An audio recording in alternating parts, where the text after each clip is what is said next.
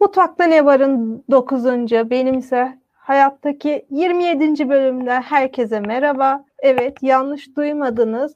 Siz bu podcast'i dinlediğinizde biricik podcasterınız TC simülasyonunda 27. level'ı açmış olacak.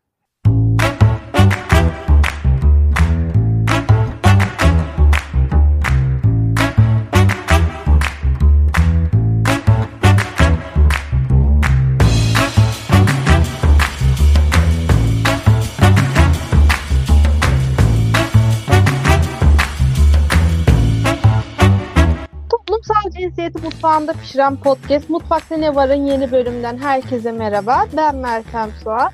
Bugün mutfağımızda davullar çalınıyor, bayraklar asılıyor. Çünkü jenerikten önce de duyduğunuz gibi geçtiğimiz senede bu podcast'te doğum günümü kutladım ve bugün bir sene sonra tekrar doğum günümü kutlayacağım. Mutfağımızın biricik aşçısı ve 1.56'ların sultanı Meltem'inizin bugün doğum günü. Tebrikleri ve alkışları kabul edebilirim.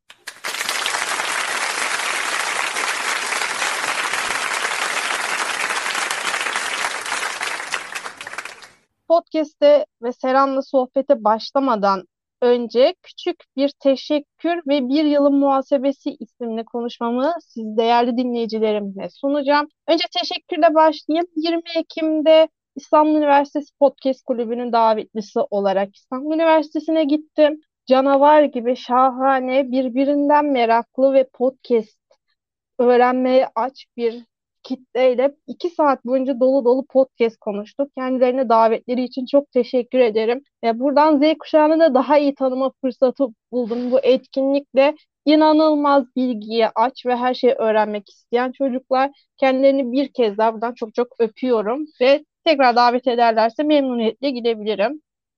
Gelelim bir yılın öz eleştirisi isimli kamu spotumuza. Öncelikle Melonuz e, 27 yaş sendromunu aşarak TC simülasyonunda 28. level'a gelmenin haklı gururunu yaşıyor. Melonuz 27 yaş sendromunu hastane koridorlarında ve sık sık sağlık problemi yaşayarak geçirdi. O kadar çok sağlık problemiyle uğraştım ki 27 yaş sendromunu yaşamaya fırsat bulamadım. Ama bu yıl gerçekten iş anlamında en üretken olduğum yıllardan biri oldu. Çok insanlarla tanıştım, çok güzel işler yaptım. İki sene önce ya acaba başladım devamını getirebilir miyim dediğim programda bugün ikinci kez doğum günümü kutluyorum. İki senedir bu podcast'i yapıyorum ve inanılmaz mutluyum. Yeni bölümler için ilk bölümün heyecanıyla devam ediyorum. Ayrıca çok güzel yayınlar yaptım. Kendi hemcinslerimin hakkını savunmak için biraz daha neler yapabilirim diye her gün kendimi geliştirmeye çalıştım. Çok güzel arkadaşlıklarım oldu. Yani ara ara yıkıldığım ama ayakta olamadığım dönemler oldu. Bazen de yıkılmadığım ve ayakta olamadığım dönemler oldu. Çoğu zaman ağlayarak günlüğüme yazdığım, çoğu zaman da başkalarının günlüklerine yazdırdığım dönemler oldu. Ama çok şükür ki gözlerimdeki ışıltıyla TC simülasyonunda bir level açmanın daha gururunu yaşıyorum. Tüm dinleyicilerime de buradan teşekkür ederim. Asıl bayraklara yol bugün benim doğum günüm. Evet, şimdi bugün çok güzel bir konuğum var. Bana Seran'la ilk bölümü yaptığımda anne babamı nasıl like ettim bölümünü yaptığında herkes bana ya Seran'la bir daha bölüm yapacak mısın? Meltem Seran Vireskala, Meltem Seran Vireskala dediniz. Ve ben de dinleyicilerimi kırmadım ve Seran'ı bir kez daha konuk ettim. Çünkü podcast yapmanın böyle bir güzelliği var. Birincisi doğum günlerinizi kendi programınızda kutlayabiliyorsunuz. İkincisi çok sevilen konukları tekrar tekrar davet edebiliyorsunuz. Bugün Seram Vireskala ile birlikte geçtiğimiz bölümlerde Ayşe Çavdar'la konuştuğumuz aile yapısının en başına gideceğiz ve antik Yunan'dan bu yana aileyi oluşturan cinselliğin tarihine bakacağız ve birlikte cinsellik tarihi pişireceğiz. Selamcığım hoş geldin. Bütün ülke çapında kutluyoruz. İyi ki varsın. Bir tek şey söyleyeceğim. 27 yaş sendromu geçiriyorum dedin ya geçiremedim hani öz eleştiri yaparken. 40 yaş üstü insanlar ve arkadaşlarım ve biri olarak seni döveriz burada görürsün gününü. Yani sendrom 27'ymiş daha bebeksiniz ayol neyse. evet. Serencim podcast'e başlarken, programa başlarken seni küçük bir zaman makinesine bindirip antik Yunan'a doğru yolculuğa çıkartacağız. Hazır mısın? Çünkü biz hem bilgilendirici hem eğlendirici bir programız. Tamam, seve seve. O zaman kemerlerimizi bağlayalım, zaman makinemize binelim ve antik Yunan'a doğru yola çıkalım. Şimdi cinsellik cinsellik dedik. Adem'le Havva'dan bu yana bugüne kadar cinsellik bir şekilde tartışılıyor. Elmayı Adem mi yedi, Havva mı yedi? İşte neden böyle oldu? Cennetten olmasaydık daha mı iyiydi? Ayol tarzında tartışmalar var. Bunu dinler tartışıyor, ne toplumsal cinsiyetçiler tartışıyor, gündelik hayat tartışılıyor. Ve bu hiç aslında hani antik Yunan'dan bu yana devam eden bir tartışma konusu. Şöyle ki antik Yunan'da cinsellik yapmak için seks işçileriyle ilişkiye girmek insanları Tanrı'ya yaklaştıran bir ibadet olarak görülüyormuş sevgili Serap. Bunun sebebi de nüfusu arttırmanın tek yolu üremekten geçiyor. Bunu teşvik etmek için seks kutsallaştırılıyor. Ve bu dönemde çok enteresan bir şekilde kadın rahmi Tanrı'ya açılan kutsal bir kapı olarak görülüyormuş. Hatta şöyle ilginç bir bilgi de vereyim. Antik Yunan'da yapılan takvimlerin hepsinin 28 gün olmasının sebebi kadınların 28 günde bir regl olmasından kaynaklanıyormuş. Antik Yunan'da bu olay mucizevi bir şey olarak görüldüğünden takvimlerini de 28 güne ayarlamışlar. Gerçekten regliyi mucize olarak görmekten pedi siyah poşete konarak veren tek elbayla yıl 2022'ye yani iyi gelmişiz. O zamandan bu zamana daha ilerlememiz gerekirken sanki daha gerilemişiz bu konuda. Çok haklısın. İşte senden hani bu seksin tarihini konuşacağımızı öğrendikten sonra ben de bir takım araştırmalar yaptım. Bizden yıllar yıllar önce yaşayan insanların bizden çok daha ileride olduğunu görüyorsun. Yani bir kere var olabilmemizin yegane yolu seks. Öyle ki ya insanlarda iki temel içgüdü vardır. Bunu biliyorsun zaten. Biri hayatta kalma içgüdüsü ve bu güdü en zor anlarımızda ortaya çıkar ve bizi kendimizi koruyabilmek için elinden gelen her şeyi yapar. İkincisi de insan ya da hayvan ya da canlı türünün varlığının kendisini devam ettirebilmesi için iki biyolojik güdüden biri de diğeri de seks. Yani seks olmadan kendini, varlığını devam ettiremiyorsun. Fakat şimdi sen dedin ya antik çağda ne kadar ilerlemişiz. İşte antik Yunan'da işte Caligula efsanesiyle daha da böyle şeylere çıkmışız. Ne diyeyim? Tavanlara çıkmışız. Fakat sonra seks nasıl oldu da bir tabu haline geldi? Oraya geliriz. Senin bulduğun şeyleri çok merak ediyorum. Çünkü özellikle antik Mısır'da arılarla vibratörden tut Nil Nehri'ne karşı yapılan mastürbasyona kadar çok şaşırtıcı 13 tane gerçek toparladım. Onun hakkında konuşuruz. Ben de o konuya gelecektim. Antik Mısır'da her yeni gelen Firavun bereket tanrısı Mine bağlılığını göstermek için Nil Nehri kıyısında kendini tatmin ediyormuş. Nehri kutsuyormuş.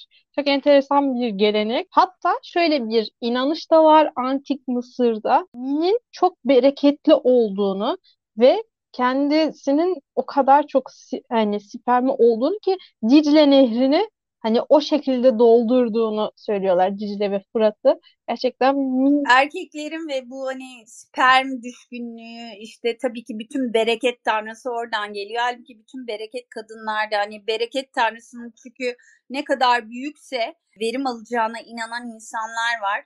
Halbuki asıl bereket, asıl toprak, asıl verim kadınlardan geliyor. Bakar mısın? Spermler nehri doldurmuş falan diyorsun. Ne kadar komik. Bu dönemde ilişkilerde heteroseksüel, homoseksüel ayrımı yokmuş. Gerçekten gene ileriye doğru değil, geriye doğru gittiğimizi gösteren bir şey daha. Herkes herkesle istediği gibi ilişkiye girebiliyormuş ve kimseye cinsel yönelimi sorulmuyormuş. Tek ayrıntı soyca asil olan devamlı ilişkilerde aktif, köleler ise pasif oluyormuş. Yani kölenin aktif olması kesinlikle kabul edilemez bir şey. Tek istisna bu. Ama dediğim gibi kimse gidip sen LGBTQ artı mısın, sen şöyle misin, böyle misin demiyorlarmış. Ama burada da senin söylediğine göre şey gelmiyor mu? Sınıf ayrımı. Kölelere diyorsun ki düzülen sen olacaksın. Bu söylenebiliyor mu bilmiyorum bir podcast'te ama başka türlü anlatamadım. Biz sana istediğimizi yaparız demek. Yani burada da bir sınıf ayrımı var. Tamam hani cinsel yönden çok büyük bir özgürlük var ama orada da olan köleye oluyor yani.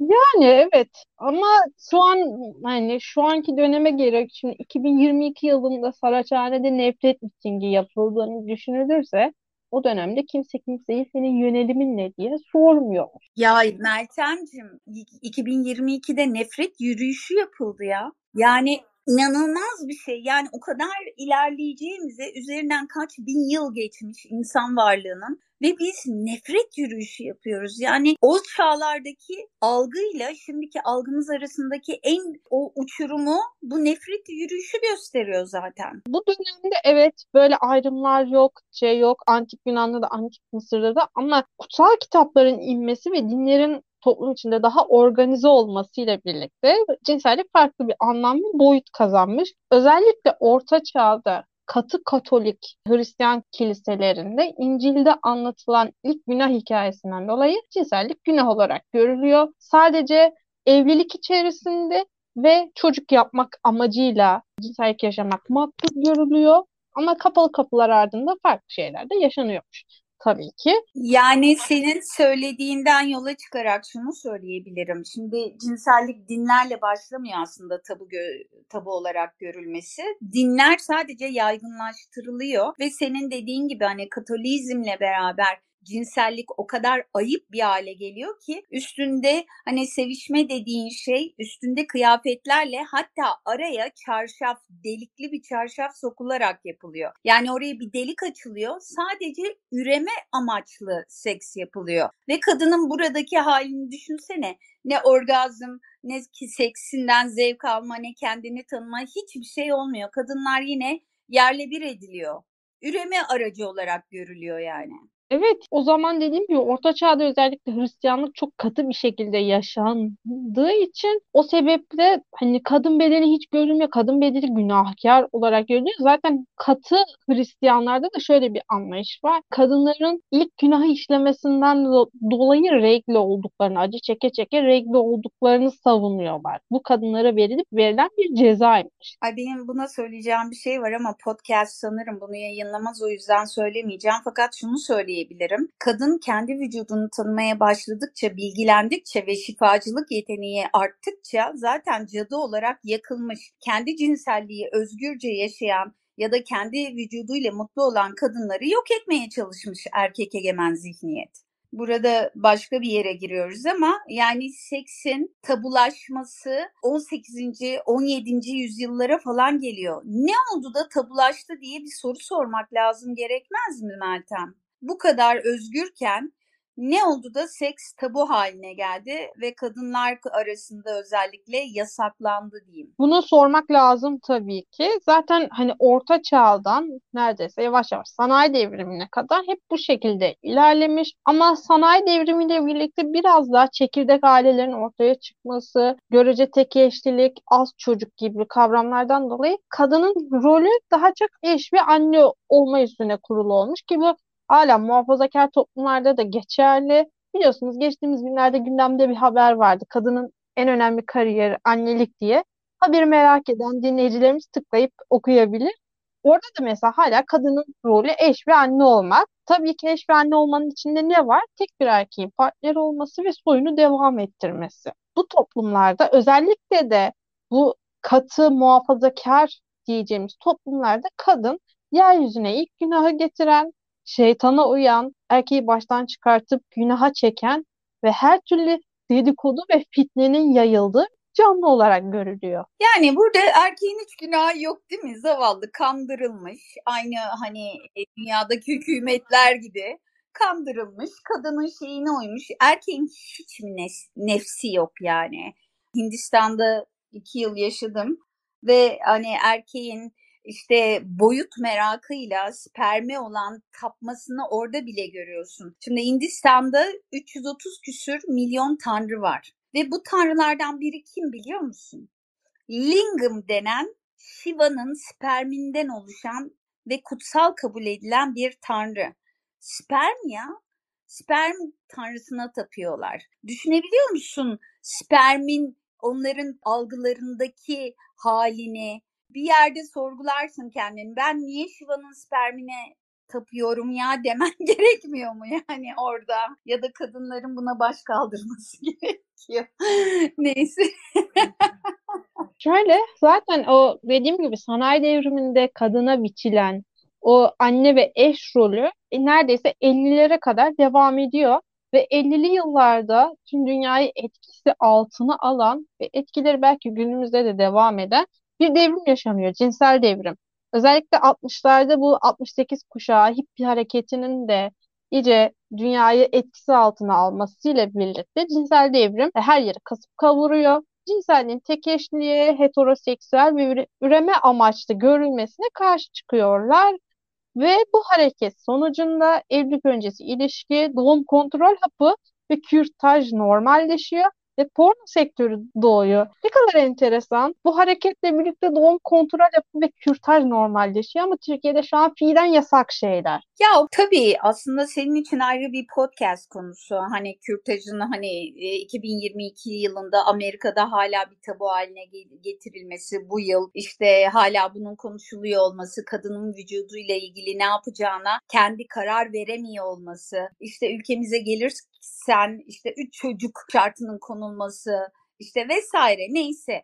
Yani aslına bakarsan seks vücudumuz hücrelerden oluşuyor ve oksijen soluyoruz biz değil mi? Seks de bu kadar basit ve yalın bir biyolojik gerçek ve bunların tam tersine aşırı güçlü bir tabu haline dönüştürülüyor. Bundan kim yararlanıyor sorusunu sormak lazım. Seksin tabu olması, tabu haline dönüştürülmesi kimlerin işine geliyor? Bir erkeklerin bu arada hani biz ikimiz de sosyolog ve antropolog değiliz. Ben sadece kendi düşüncelerimi söylüyorum. Tabii ki ben bir de erkeklerin öyle işine geliyor. Erkek egemen iktidarların işine geliyor. Öteki taraftan da düşünürsen mesela insan varlığı tarım dönemine geçtiği zaman, ekme dönemine geçtiği zaman kadının e, bedenine sahip çıkmak istiyor, ona sahiplenmek ve babasının kim olduğunu bilmek istiyor mesela çocuğun. Ve bundan dolayı tabulaştırılıyor. Scarlet Letter'ı izlemişsindir film olarak. Hı hı. Kendisi seksi, özgür bir şekilde yaşayan kadın resmen lanetleniyor, yaftalanıyor ve üzerine kırmızı kocaman A harfiyle yapıştırılan bir şey taşımak zorunda kalıyor ve toplumdan dışlanıyor. Ama bunun aksine erkekler seksi istediği gibi, canlarının istediği gibi yaşayabiliyorlar. Bir erkek zina yaptığı zaman sırtı sıvazlanırken bunu bir skor haline getirirken kadın resmen ceza alıyor, cezalandırılıyor, ödü, hatta öldürülüyor bile. Hala bugünümüzde de mevcut Orta Doğu ülkelerine bakarsan. Ya evet şu anda da hani diyorum ya katı muhafazakar toplumlarda hep suçlu kadın olarak görülüyor. Bunun da sebebi ilk günahı kadınların işlediğinin inanılması. Yani o elmayı şöyle çok güzel bir 8 Mart afişi vardı. Belki hatırlarsın. Elmayı Adem yedi, ayvayı biz yedik diye. evet biliyorum. Çok iyi anlatmıyor mu? Adem'in hiç mi günahı yoktu kardeşim? Serem biraz daha günümüze gelirsek eğer tabii cinsel devrim olduğu dünyada kapitalist sistem yavaş yavaş e, hakim olmaya başladı. Tek kutuplu dünya düzeni geldi ve dijital çağa girdik. Dijital çağ ile birlikte günümüzün ilişkileri yaşanmaya başladığı bu dönemde romantik ilişkiler daha geçici ve yüzeysel hale geldi. Postmodern dünyada cinsellik ve romantik ilişkiler dar sınırlar içerisindedir. En pragmatist şekilde kendini rahatlatmak amacıyla ilişki kurarsın. Özellikle de çevrim içi araçların kullanımının artmasıyla birlikte bireyler gerçek dünyadaki tanışmaların yerine bu insan marketleri senin de çok güzel bir yazım vardı insan marketleri olarak adlandırdığımız uygulamalardan tanışmaya başladı. Ve şöyle bir şey ortaya çıktı. Bu uygulamaların bir de yan etkisi var. Şöyle bireyde yalnız kalma korkusu var. Ve neredeyse 24 saat boyunca insanlar biriyle tanışmaya çalışıyor. Yani hep bir tamam ben yalnız kalmayayım. Aynı anda 5 kişiyle konuşayım, 10 kişiyle konuşayım korkusu oluyor. Çünkü yalnızlıktan korkuyor. Hep bir biri olsun hayatımda. Ama romantik bağlı ilişkim de olmasın. Hani ilişkileri size seninle konuşmuştuk ya anne babamın nasıl erkeklerimde. Orada anlattığımız gibi hep bir şey var. Aman işte benim love body'm olsun, flörtüm olsun ama ilişkiye dönmesin. Ciddi ilişkiden kaçayım durumu var. Sen ne düşünüyorsun? Bu insan pazarları etkili mi gerçekten? Yani şimdi aslında ben şunu düşünüyorum Meltemciğim. Burada hani cinselliği kısıtlamak, şimdi kendi aileni ele al ve ben kendi neslimi ele alıyorum. Çünkü seninle aramda bir nesil farkı var. Şimdi hiç kimse sen cinselliği ailenden öğrendin mi? Hayır öğrenmedim. Öğrenmedin. Okuldan öğrendin mi? Hayır öğrenmedim. Öğrenmedin ve sen genç bir insansın. Şimdi bana gelelim. Sen bunu yaşamazken bizde tamamen tabu. Yani bir kadının kendi vücudunu tanımaması o kadar vahim bir durum ki hele bizim ülkede. Şimdi bu tabuyken, yasakken, tukakarken sen ne yapıyorsun? Yasak nasıl çeker insanı? Hemen başlıyorsun kendi kendine karanlıkta el yordamıyla cinselliği tanımaya, kendini tanımaya başlıyorsun. Bazıları çok şanssız tanıyamıyorlar bile. Hatta bugüne kadar aynayla kendilerine bakmamış insanlar var. Kadınlardan bahsediyorum. Erkekler çok bakıyor da. Bundan dolayı şimdi insanlarda şöyle bir şey var.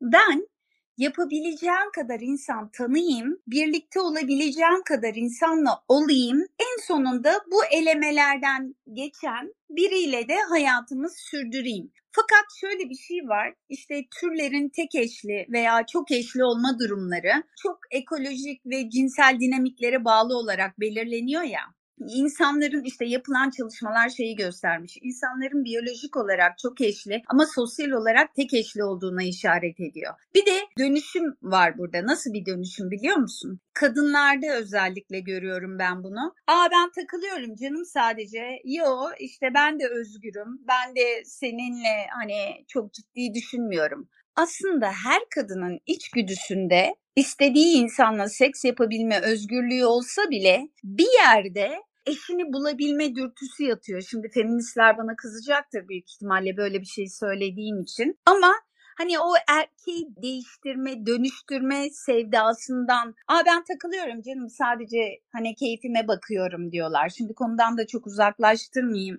e, senin sorunu. Şunu söyleyebilirim bu konuda. Bu insan marketlerinin en büyük zararı daha evvel de konuşmuştuk fast food olayına dönmesi.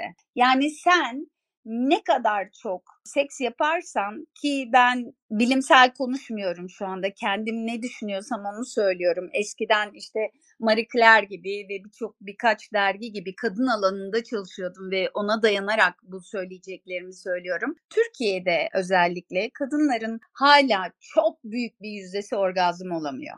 Neden? Çünkü erkekler sadece kendi vücutlarına odaklandığı için kadınların zevk almasına arka plana itiyorlar. İlk önce kendileri bitiriyorlar işi ve sonra uyumaya dönüyorlar. Kadın belki kendi kendine hallediyor, belki de zaten hani bunu görev olarak düşünüyor. O yalnızlık marketlerinde de o hani birçok partnere sahip olmanın ya da birçok partneri denemenin kadına çok büyük bir haz verdiğini düşünmüyorum. Çünkü o hazzı kadın kendi kendine elde edebilir aslında. Kadın yine bir eş arıyor kendisine. Yani onu anlayabilecek, belki yolda beraber yürüyebilecek, hayatta arkadaşlık olabilecek. Bu ille koca demek değil. Yanlış anlaşılmasın lütfen. Sadece duygusal olarak bağlanabileceği birini arıyor Meltem. Hani ben o zaman da söylemiştim. Gerçekten de ilk öpücüğünün Tinder'dan böyle 10 dakikada tanıştığın biriyle yapmak istediğine emin misin? Ailelerle konuşamadığımız bu seks mevzusu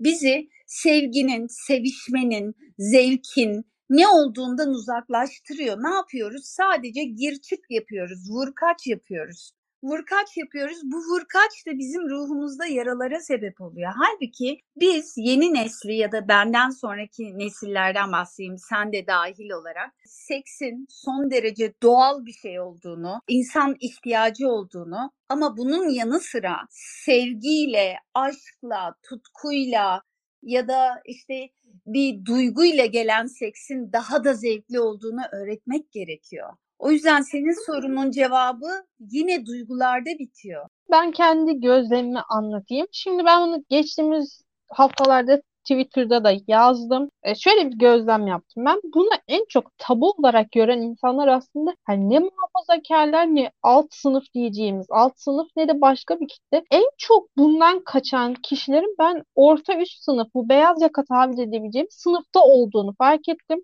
Şöyle Serhat, şimdi kadınları eleştirmek gerekirse evet kendi hemcinslerimizin de şöyle bir hatası var. İşi çok uzatıyor. Biz hep şey diyoruz. Aman evet senin dediğin gibi hep doğru eşi bulmak için yapıyoruz bu işi ama aman ilk buluşma olsun, ikinci buluşma olsun. Beni şuraya yemeğe götürsün, buraya yemeğe götürsün, bana şunu alsın, bunu alsın ondan sonra. Yok ya öyle bir şeye gerek yok. Kendi çevremden onu gördüm. Ya şöyle bir şey var. Ben mesela geçtiğimiz günlerde Esra Erol'u izledim. Ben Esra Erol izlemiyorum. Ben Müge Anlı izlemiyorum. Yanlışlıkla açık kalmış. Ya Lütfen yani. Yani ben izliyorum. Çünkü yani insanı başka nerede tanıyacağım? Seren mesela şey vardı. Eşi TikTok'tan tanıştığı bir adama kaçan bir adam var. Ve karısının kaçtığı adam karşı tarafa diyor ki karınla bence barış diyor. Çünkü diyor karın o senin terk etmiyor. Bunu canlı yayında söylüyor. Ne var ki diyor beş gün bende kaldıysa. Bu kadar diyor yobaz ve geri kafalı olma. Biraz diyor çağa ayak uydur diyor.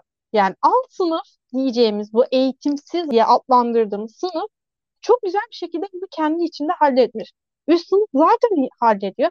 Ama biz orta üst sınıf diyeceğimiz bu eğitimli grup işte ilk buluşma şöyle olsun. Erkekler de tam tersi. Ben takılmak istiyorum. İşte şöyle yapmayalım. Aman flört edelim ama ciddiye binmesin. Ne var bir gece gelip kalsan etsen kadını hiç düşünmeden karşı tarafın duygusu var mı? Başka bir şey ister mi? Bir talebi var mı düşünmüyor. Tamamen kendisine odak. Dediğim gibi pragmatist. Ben bundan rahatlayacak mıyım? Evet. Eğer rahatlamayacaksam tamam o zaman güle güle tarzında. Ama yani alt sınıfta, üst sınıfta böyle bir şey yok. Yani şöyle sınıflar olarak ne kadar ayırabiliriz bilmiyorum ama Cem Yılmaz bir ara şey demişti. Yani bütün köy tren olmuş bir de bize marjinal diyorlar. Seks yasaklandığı zaman insan farklı çatlaklardan bulup sızar. İşte samanlık seyran olur hesabı. Şimdi sen dedin ya eğer kadın gerçekten zevk alıyorsa her o birlikte olduğu insanla orgazm yaşıyorsa şahane istediğiyle olsun ya kime ne? Kadının kendi vücudu bu. Kimsenin bir kadının vücudunu nasıl kullanacağını söylemeye hakkı yok. Mesela ben yaptığım araştırmalardan birinde şunu gördüm. Güney Pasifik okyanusunda bulunan bir ada var tamam mı? Mancaya diye okunuyor sanıyorum. Buradaki kabileler seksi tamamen doğal bir davranış olarak görüyorlar ve birbirleriyle tamamen zevk alma amaçlı olarak seks yapıyorlar. Bak hani aile kurmak amaçlı değil. Mesela sıradan bir mangaya sanıyorum öyle okunuyor. Eğer yanlış okuyorsam lütfen kusura bakmayın. Erkeği 7 yaşında mastürbasyondan haberdar oluyor ve 8-9 yaşında bunu uygulamaya başlıyor ve 13 yaşında bir sünnet yapılıyor ve sünnetçi erkeği cinsel olarak eğitiyor. Ne olarak eğitiyor biliyor musun? Kadına nasıl zevk vereceği konusunda eğitiliyor. Ve burada mesela onu farklı cinsel zevkler ve pozisyonlar konusunda eğitiyor. Bu ne yapıyor? İşte önden orgazm olup kadının orgazma erişmeden işini bitirmesini engellemiş oluyor. Ve ne yapıyor bu? İşte mesela şunu söyleyeyim kız çocukları da benzer bir eğitimden geçiyor. Sadece erkek çocukları değil. 13 ile 20 yaş arasında 3-4 farklı erkekle romantik ilişki yaşamalarına yönlendiriyorlar kız çocuklarını. Ebeveynleri bu süreç boyunca kızlarının birden fazla erkekle cinsel olarak birleşerek cinsel zevki tatmasını teşvik ediyor. Böylece en uygun eşi evlenmek üzere seçebilmesini sağlıyor. Niye biliyor musun? Hayatın boyunca aynı insanla olacaksın eğer tek eşliysen. Sana zevk veremeyecek biriyle olmak dünyanın en büyük lanetlerinden biri değil mi? Bu yüzden işte erkekler ve kadınlar hemen hemen işte her gece seks yapıyorlar. Ben bu kabileden bahsediyorum tabii ki. Gecede ortalama 3 kez ya da işte 5 kez orgazm oluyorlar ve kadınlar ona en çok orgazmı yaşatan insanla evlenmeye kadar karar veriyor. Şimdi bu aynı zamanda eğer sosyolojik açıdan bakarsan Meltem daha mutlu bir toplum oluşmasına sağlamaz mı sence? Yani orgazmını yaşayan, seksten zevk alan, birbirlerine zevk veren çiftler daha mutlu bir toplum oluşturmazlar mı? Oluştururlar. Ama iktidarlar buna izin verir mi? Çünkü mutlu toplum demek tehlikeli toplum demek. Gülen, kahkaha atan, toplum demek tehlikeli toplum demek, direniş gösterecek toplum demek. Bu yüzden seksi bilerek ve isteyerek tabu haline getiriyorlar ve kız çocuklarını bastırıyorlar ki onları kontrol edebilecek hale getirsinler. Ya bizim toplumumuzda mesela şöyle çok büyük bir eksik var. Ergenlik döneminde ne yazık ki ortaokulda ya da lisede çocuklara bir toplumsal cinsiyet eğitimi verilmiyor. Ben kendi kuşağımı düşünüyorum Seren. Evet bize lisede böyle bir eğitim verildi ama şöyle kızlarla erkekler olarak ayrı ayrı konferans salonuna indik. Kızlara kendi bedeni anlatıldı, erkeklere kendi bedeni anlatıldı. Ayrı ayrı. En son bize pet verdiler, erkeklere de şampuan verdiler. 15-16 yaşındasın ve elinde petle sınıfa çıkıyorsun ve erkek çocuklar için inanılmaz bir akran zorbalığı malzemesi o. Yani onunla alay edenler, elini alıp gezdirmeye çalışanlar. E sen bundan zaten kadın olduğun için utanıyorsun. Ergenliktesin. Tam kendini bulmaya çalıştığın çağda akran zorbalığı ve çok acımasız. Toplumumuzda ne yazık ki yani şu anı düşünüyorum ben. E bir kadın var bu konuda hiçbir destek yapılmıyor. Evet şu an ben kamu hastanelerine gittiğimde sürekli gebelik okumu var, gebeliği teşvik ediyorlar. Anne sütü çok faydalıdır afişleri var ama doğum kontrolüyle ilgili hiçbir şey yok. Israrla bize çoğal tamam çoğalayım çok güzel ama belki benim mental sağlığım elverişsiz bu konuda. Psikolojim iyi değil.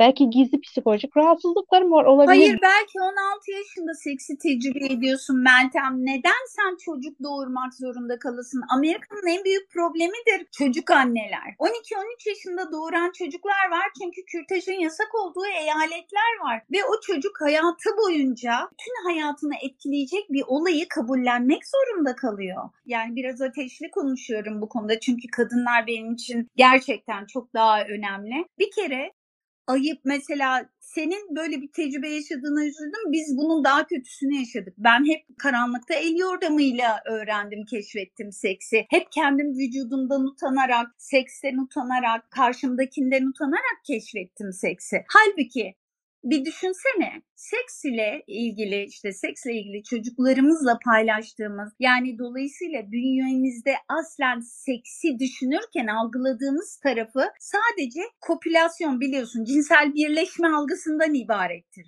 Daha ziyade çocukların nereden geldiği, nasıl üretildiği üzerine bir anlatımla seksi anlatmaya çalışır. Halbuki seks o kadar güzel, zevkli ve karmaşık bir konudur ki şefkat, sevgi, aşk, bağlılık, hoş duygular, karşılıklı rıza, sınırlar bu detaylardan söz edilmezse çocukların yani geleceğin yetişkinlerinin zihninde seks vahşi bir üremeden ibaret kalacak ve dolayısıyla tabulaşacaktır. Ama ben yeni nesle çok güveniyorum. Çünkü kendi vücutlarını daha çok tanıyorlar. Ya bizde ders bile yoktu. Bize biyoloji ders vardı. İşte penis böyledir, vajina böyledir ki sen biliyor musun bizim cinsel organımızın ismi bile vajina değil. Doğum kanalının yolunun ismi vajinaymış. Bizim cinsel organımızın ismi vulva. Vulva ya. Bunu kim biliyor abi? Bu çok büyük bir tabu ama bastırılmış cinselliğin başka türlü sonuçları da çıkıyor. Bunu şu anda da görüyoruz. Metroda el ele tutuşan çiftlere saldıran insanlar. Neden? Çünkü bunu Seren biliyorsun Maslow da ihtiyaçlar teoreminin en altına koyuyor. Fizyolojik en temel ihtiyaç bu. Ve bunu sen tabu olarak görüyorsun. Diyorum ya şu an bu kontrol hapları devlet tarafından ücretsiz verilmiyor. En ucuzu 100 lira eczanede. Kürtaj zaten fiilen yasak. E ki ben kürtajla ilgili bu arada dinlemek isteyenler olursa hem Amerika'daki kürtaj yasağını Sedef Erkmen'le konuştuğumuz hem de geçtiğimiz sene Deniz Altuntaş'la kanuna serbest fiilen yasak bölümünde Türkiye'deki kürtajı konuştuğumuz çok güzel bölümler var. Fatih Bora Ekim'le bastırılmış cinselliği konuştuğumuz bir bölüm var. Kendisi de işin psikolojik tarafını anlat. Bu başka türlü rahatsızlıkların ortaya çıkmasına sebep oluyor. Sürekli gergin oluyorsun. En ufak bir şeye tepki gösteriyorsun. Çünkü yasak. Hayatım resmen ahlak zabıtaları çıkacak neredeyse yakında. Toplum bu hale geldi. Yani bunu kırmanın yolu seksin doğal ama belli kuralları olan bir hani oyundan ibaret olduğunu anlamak ve anlatmak. İnsanlar duygulara sahip oldukları ve bunları yansıttıkları için ayıplanmamalı. Mesela sen diyorsun ya metroda el ele tutuşuyor. Yani o kadar güzel bir şey ki o hatırlasana ilk elini tuttuğun andaki heyecanı, ona dokun, başka bir tene dokunuyorsun. Onun sende yarattığı heyecanı. Bu duygular o kadar sağlıklı duygular ki ama bizdeki hani genellemeyi vurmak istemiyorum ama çoğu ailede işte bunun ayıp, tabu, işte günah en en korkunç şey günah olduğu yansıtılıyor. Karı koca arasında bile el tutuşmayanlar var Meltem. Yani cinselliği absürt bir hayvani davranış olarak öğretiliyor. 16 yaşındaki halimi düşünüyorum. İlk defa hani evet menstrual döngü vardı. Çok normal bir şey. Bu yunuslar da oluyor. Her benim köpeğim de menstrual döngünün içine giriyor ve çok normal bir şey. Çünkü o da bir memeli canlı. Bütün primatlarda olan olabilen bir şey. Ama bununla ilgili en temel malzemenin bile alay konusu yapılması. Ha, ha sen bunu mu kullanıyorsun? Evet kullanıyorum. Şu anda da böyle mesela. Ben atıyorum köşedeki bakkala gittiğimde, yani pet aldığımda gazetenin arasına falan sarmaya çalışıyor. Diyorum ki neden? Ama eve gideceksin. Evimle senin aranda 100 metre var. Bunu görse diyorum ne olur? Hani bu zaten en temel insani döngü. Ben neden bundan utanayım? Neden kendim bunu olduğum için utanayım? Utanılacak bir şey yok ama sürekli saklayalım, siyah poşete koyalım. Bunu hala Twitter'da savunan bir kitle var. Görüyorum işte önümdeki kız utanmadan markette pet aldı. Kasiyer de erkekti. Hiç de utanmadı ve kızın fotoğrafını çekiyor. 16 yaşındaki, 17 yaşındaki kızın. Burada ayıp nerede? Bu kıza neden sürekli sen günahkarsın algısı yaratıyorsun? Ya da şort giyen insana neden sen teşhircilik yapıyorsun, sen günahkarsın. Ben teşhircilik yapmıyorum. Şort giyen bir kadının minibüste tekmelendiğini gördük bu ülkede. Ben nasıl bayılıyorum biliyor musun? Böyle yolda görüyorum göbeği açık giyinmiş, işte şort giymiş, mini etek giyen kadınlar gördüğüm zaman annemin dönemleri aklıma geliyor. Annemin dönemleri o kadar daha özgür ve rahatmış ki. İnanılmaz. Ama şimdi bir kere kirli algısı var Meltem. Sen regli, sen kirlisin. Kadınlar da bunu söylüyor. Anadolu'daki kadınlar işte ne yapıyorsun kirliyim bugün. Ben Hindistan'da da bu düşünceyi gördüm. Hindistan'da yaşadığım zaman tapınağa giremedim. Neden biliyor musun? Regli olan kadınların tapınağa girmesi yasaktı çünkü tanrılar tarafından kirli olarak kabul ediliyordu. Eğer öyleysek Tanrı niye bize bunu verdi? İslamiyet'te de var öyle bir şey. Regli olunca Kur'an-ı Kerim'e dokunamıyorsun çünkü kirlisin. Kadınları biliyor musun uzaklaştırıyorlar. Yani Hindistan'da regli gören kadınları aynı evde bile yatırmıyorlar. Balkonda ya da sokakta yatıran insanlar mevcut. Yani bunlar kocaları ya da işte kayınvalidelerinden bahsediyorum. O kadar kirlisin. Bunu şunu şöyle görmüyorlar. Bu kadın kanamaya devam ettiği sürece üretkenliği vardır. O kadar kutsal bir şey ki bu. İçinde canlı oluşmasına sebep bir şeydir o regi, o kanama. O kirli değil tam tersiyle tamam vücuttan kirli kanın dışarı atılması ama aynı zaman tertemiz bir şey.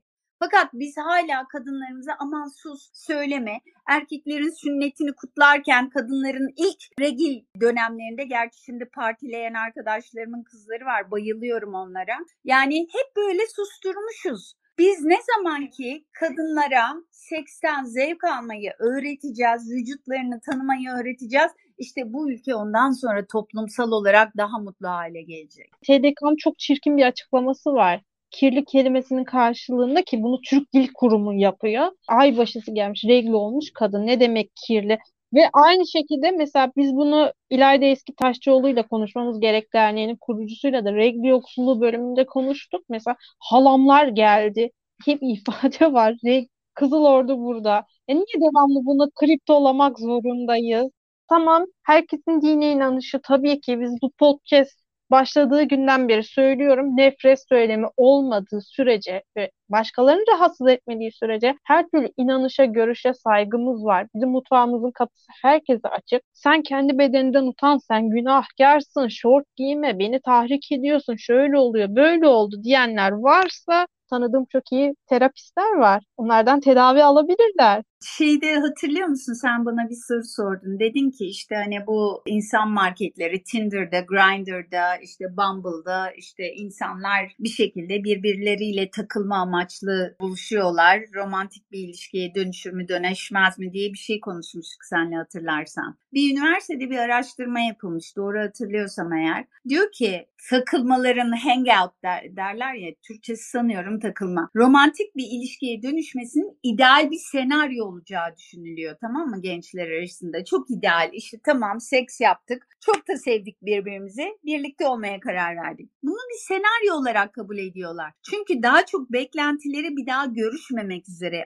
içinde libido var ya yani cinsel haz alan kadınları bir daha görmek istemiyorlar. Çünkü uygun eş olarak görmüyorlar. Halbuki ben erkek olsam yahu bana hani vücudumu bilen, seksi çok iyi olan, bilen, kendisinin de zevk aldığı bir kadından yani seksen zevk alan bir kadınla ilişkiye kurmak, onunla romantik bir ilişkiye girmek isterim yahu. Kadını ayıplayacağım ama wow derim. Bu kadın gerçekten bana uygun derim ve onunla birlikte girerim bu ilişkiye. Çünkü bu seksi öğrenmek o kadar zor bir şey ki hele ülkemizde. Sen de hani bir takım bazen de deneyimler yaşıyorsun bu şeylerde, uygulamalarda. Ben sana bakıyorum inanılmaz komiksin, her şey konuşabiliyorsun, kendi ayaklarının üzerinde durabiliyorsun, kendini tanıyorsun. Büyük ihtimalle hani seks konusunda da kendini tanıyan bir insansın. Bir erkek için ideal bir kadın adayı olman lazım. Ama Hayır, bu Tinder'da, Grindr'da ya da Bumble'da olduğu için seni direkt o romantik ilişki kısmından siliyorlar. Niye? Seksüel açıdan özgür bir kadınsın çünkü. Değil mi? Evet. Ama çok teşekkür ederim söylediğin şeyler için. Ay yo ben seni tanıyorum. Deli misin? Erkek olsam bayılırdım yani senin gibi bir kadınla olmaya. Neyse doğum gün doğum gününe Doğum gününden sonra büyük ihtimalle çok fazla şeylerin olacaktır taliplerin inşallah. İnşallah. Seren var mı son olarak söylemek istediğim bir şey? Şu var sadece. Netflix'te Goop Lab diye bir tane dizi var. Bu alternatif terapiler üzerine işte Gwyneth Paltrow'un çektiği bölümlerden ibaret böyle kısa kısa bölümleri olan bir dizi. Orada bir bölüm var. Seks terapisi diye.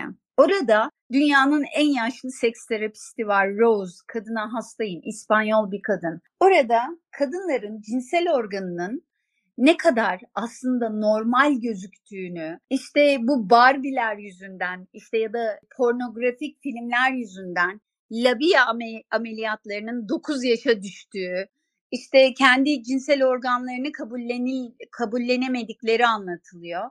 Halbuki hepimiz bütün kadınlar ve kız çocuklarından bahsediyorum. Hepimiz çok güzeliz ve olduğumuz gibi normaliz ve kendimizi değiştirmeye çalışmadan önce vücudumuzu tanımalıyız. Çünkü orada İspanyol kadınlar arasında bir araştırma yapılıyor Meltem ve 100 kadına fotoğrafları çekilerek hangisinin kendisine ait organ olduğunu soruyorlar ve %80'i bilemiyor. Bak İspanya'dan bahsediyorum ve bunu Türkiye'ye getir. İnşallah yani bundan sonraki nesillerde, senden sonraki nesillerde kendi vücudunu tanıyan, seksi doğal gören ve kendi ihtiyacını ille karşısındakine göre belirlemeyen bir nesille daha mutlu bir toplum hayal ediyorum ve inşallah bu da olur. İnşallah demem de umarım anlamında bunu da altına çizmek isterim.